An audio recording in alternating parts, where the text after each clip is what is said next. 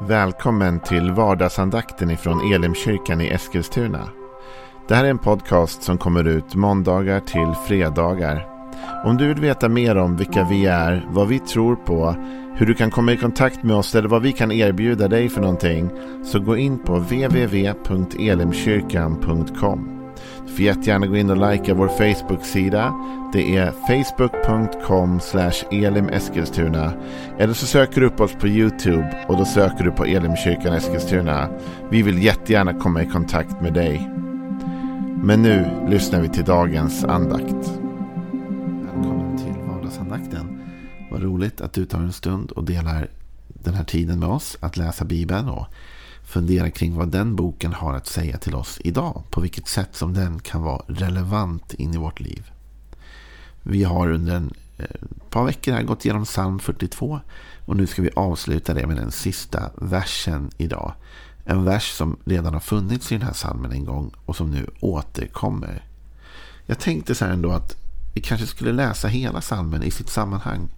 Bara för att liksom få känslan av helheten i den. För det är ju en helhet. Även om vi har gått vers för vers så sitter detta ju ihop i en, en lång bön eller längtan. Själens längtan efter Gud är rubriken i Svenska folkbibeln 15. Jag skulle vilja haft med ordet ängsliga eller oroliga längtan. Det är en psalm skriven av Koras söner och det är en vishetssalm så den ska lära oss någonting. Vi läser. För körledaren en vishetssalm av Koras söner. Som hjorten längtar till vattenbäckar så längtar min själ efter dig, o Gud. Min själ törstar efter Gud, efter den levande guden. När får jag komma och träda fram inför Guds ansikte? Mina tårar är min mat dag och natt och ständigt säger man till mig, var är din Gud? Jag utgjuter min själ och minns hur jag gick bland folket, hur jag vandrade med dem till Guds hus med jubelrop och tacksägelse i skaran av högtidsfirare. Varför så bedrövad min själ? Och varför så orolig i mig? Hoppas på Gud. Jag ska åter få tacka honom min frälsning och min Gud. Min själ är bedrövad i mig och därför tänker jag på dig i Jordans land, på Hermons höjder och på Misarsberg. Djup ropar till djup i dånet av dina vattenfall. Alla dina svallande böljor sköljer över mig. Om dagen sänder Herren sin nåd och om natten är hans sång hos mig en bön till mitt livs Gud. Jag vill säga till Gud, min klippa, varför har du glömt mig? Varför måste jag gå sörjande, trängd av fiender? Det är som att man krossar mina ben när mina fiender hånar mig och ständigt frågar mig, var är din Gud? Varför så bedrövad min själ och varför så orolig i mig? Hoppas på Gud. Jag ska åter få tacka honom, min frälsning och min Gud. Vi ser att den här sista versen gör ett omtag på den sjätte versen. Som är precis likadan. Varför så bedrövad min själ och varför så orolig i mig? Hoppas på Herren. Jag ska åter få tacka honom, min frälsning och min Gud. Ofta vänder ju psalmerna. De kan ju vara ibland lite negativa eller ångestfyllda, oroliga, problematiska liksom. Och sen i slutet brukar det bli en positiv knorr. Och det blir det här med, men inte fullt ut, eller hur? För det är fortfarande en bedrövad och en orolig själ. Däremot så bestämmer sig Kora söner för att trots oron och den bedrövade själen ändå hoppas på Gud och, och lyfter upp då att de åter kommer få tacka honom för han som är deras frälsning och deras Gud. Så det finns ett hopp i slutet av den här salmen. Varför så bedrövad min själ? Varför så orolig i mig? Jag tycker det är fint att det inte går över på en gång. Det låter väl hemskt att säga så, men låt mig förklara vad jag menar. Ibland blir du och jag oroliga i själen. Och vi tänker att det kanske finns en quick fix för det. Men det gör det inte alltid. Ibland måste vi bära den oron en tid. Det kan finnas en tid då vi är oroliga, då vi är bedrövade inombords. Och Gud är med oss genom den tiden. Och Gud kommer hjälpa oss igenom den. Men den går inte över sådär precis på en gång. Varför så bedrövad min själ? Varför så orolig i mig? Hoppas på Gud. Ja, vi kanske ska tala lite om hopp då, den här sista andakten av psalm 42. Hoppas på Gud. I bedrövelsen, i oron, så väljer de att hoppas på Gud i alla fall. Och detta kräver mod. Jag gillar vad psalm 27 säger om detta.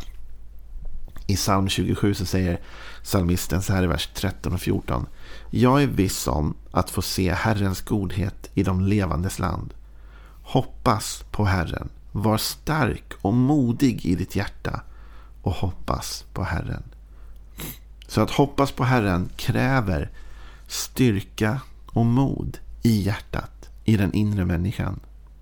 Så när psalmisten också då, eller Koras söner i psalm 42 talar om att de i sin bedrövade själ och oroliga ande ändå vill hoppas på Gud så kräver detta mod och styrka. Inte bara att. Utan det är ju i ett tillstånd då man är orolig. Ändå säga, men jag litar på Gud. Jag hoppas på honom. Han kommer att hjälpa mig. Jag kommer åter få tacka honom. Han är min frälsning, alltså min räddning och han är min Gud. Det där kräver mod, förtröstan, tillit och det kräver styrka. Så att hoppas på Gud, det är inte något vi gör lite slarvigt. Ja, det känns jobbigt och dåligt, men jag hoppas på Gud.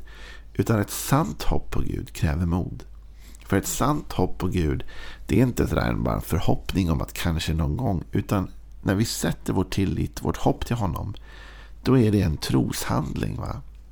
Då tror vi att han kommer att hjälpa oss. Vi hoppas på honom. Vi räknar med honom. Vi vet att han finns där för oss. Och det kräver en inre styrka. Det kräver ett inre mod att våga överlämna vår oro till Gud. Att vandra vidare trots den oroliga själen och trots den bedrövade själen. Ibland är ju det svaret. Ibland tänker folk så här, vad ska jag göra? Jag är så orolig, jag är så bedrövad. Och vet du, ibland är svaret, fortsätt.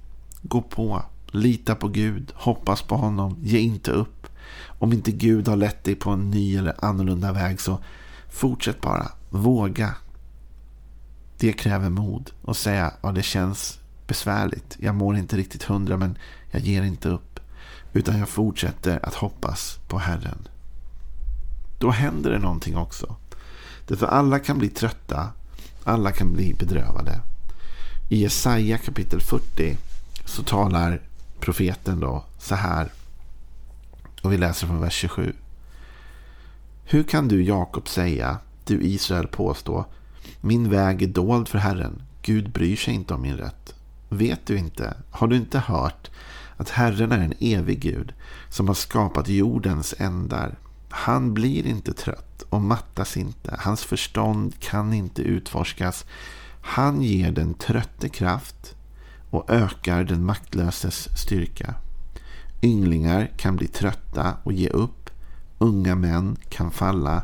Men de som hoppas på Herren får ny kraft.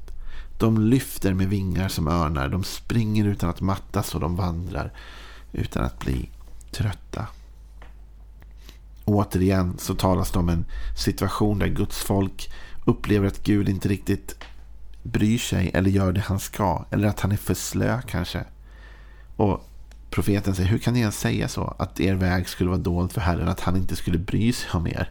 Han bryr sig och han mattas inte och han jobbar ständigt för er skull, säger profeten. Och så talar han om hur människor då kan bli trötta. Hur människor kan mattas. Men det blir inte Gud. Gud blir inte trött. Och han mattas inte och han blir aldrig svag. Däremot kan du och jag bli det. Ynglingar kan bli trötta och ge upp. Och då tänker jag, ge upp, när gör vi det? Det gör vi ju med vår inre människa, eller hur? För det mesta. Kroppen kan ju också ge upp. Men ofta när vi talar om att vi blir trötta och ger upp, då är det att vi inte längre orkar själsligt. Va? Då är själen orolig, bedrövad, trött. Och då ger vi upp. Men då kommer utmaningen.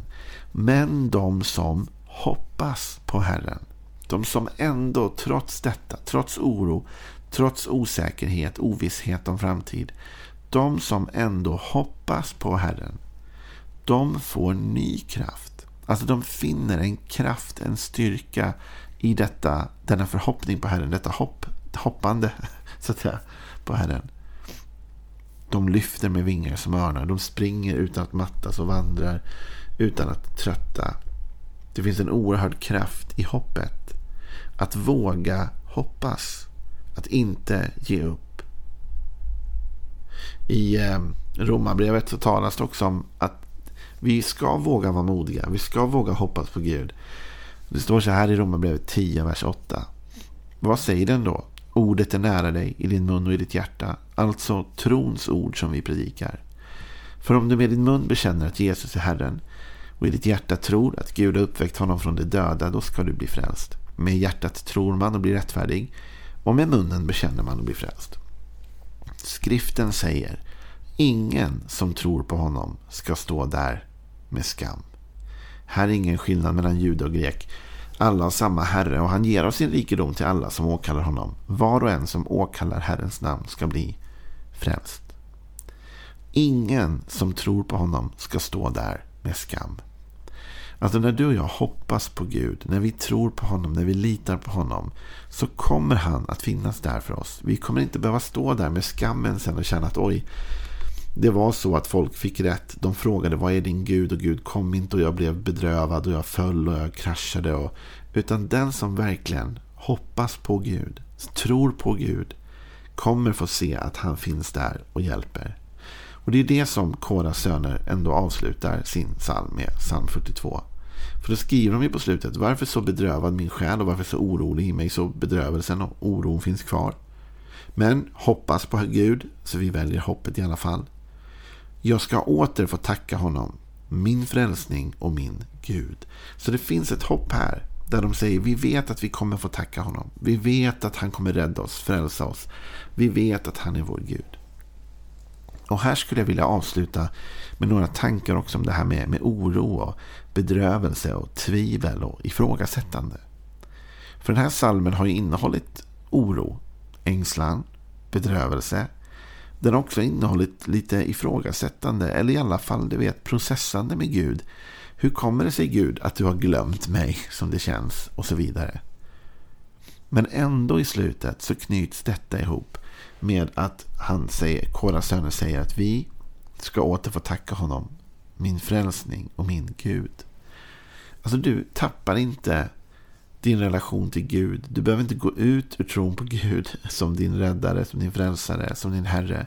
Bara för att du har frågor eller känner dig ängslig eller orolig. Eller har tvivel ibland. Gud kan vara din Gud i alla fall. Alltså gå till Gud med din oro, med din bedrövelse, med dina tvivel, med dina frågor. Gå till Gud. Här är det ju tydligt att det har funnits mycket frågor i den här salmen och ändå är bekännelsen så stark och så tydlig på slutet. Jag ska åter få tacka honom, min frälsning och min Gud. Så det handlar om vart vi vänder oss med vår oro, med vår bedrövelse, med vår sorg, med våra frågor. Vi vänder oss till Gud. Så, som avslutning på psalm 42 vill jag säga till dig som lyssnar på vardagsandakten och som kanske är orolig inombords i själen, känner dig bedrövad, sorgsen, ledsen, orolig helt enkelt. Till dig vill jag säga, det finns hopp. Ge inte upp. Var modig och stark inombords nu. Sätt ditt hopp till Herren. Våga lita på honom. Jag lovar det, när du sätter ditt hopp till honom och när du går till honom trots din oro och säger Gud, jag är orolig, jag är ängslig, jag har de här frågorna, jag har de här funderingarna. Jag vet inte det här, men jag hoppas på dig. Jag vet att du kommer att hjälpa mig och att jag kommer att få tacka dig. När du sätter ett sånt hopp till Gud så kommer Gud att hjälpa dig och då kommer du få ny kraft. Bibeln säger den som hoppas på Herren får ny kraft. Så det finns ny kraft för dig att få. Kraft till din inre människa, kraft till din kropp, kraft till, till allt du har runt omkring dig. Det finns kraft för dig att få. Men sätt din tillit, ditt hopp till Herren. För det är så som psalmisterna skriver att vi kommer en gång åter få tacka honom, vår frälsnings eh, Gud och vår Herre. Hörrni, ha en välsignad dag. Imorgon blir det något helt nytt med vardagsandakten. Spännande va? Så haka på då. Hej då.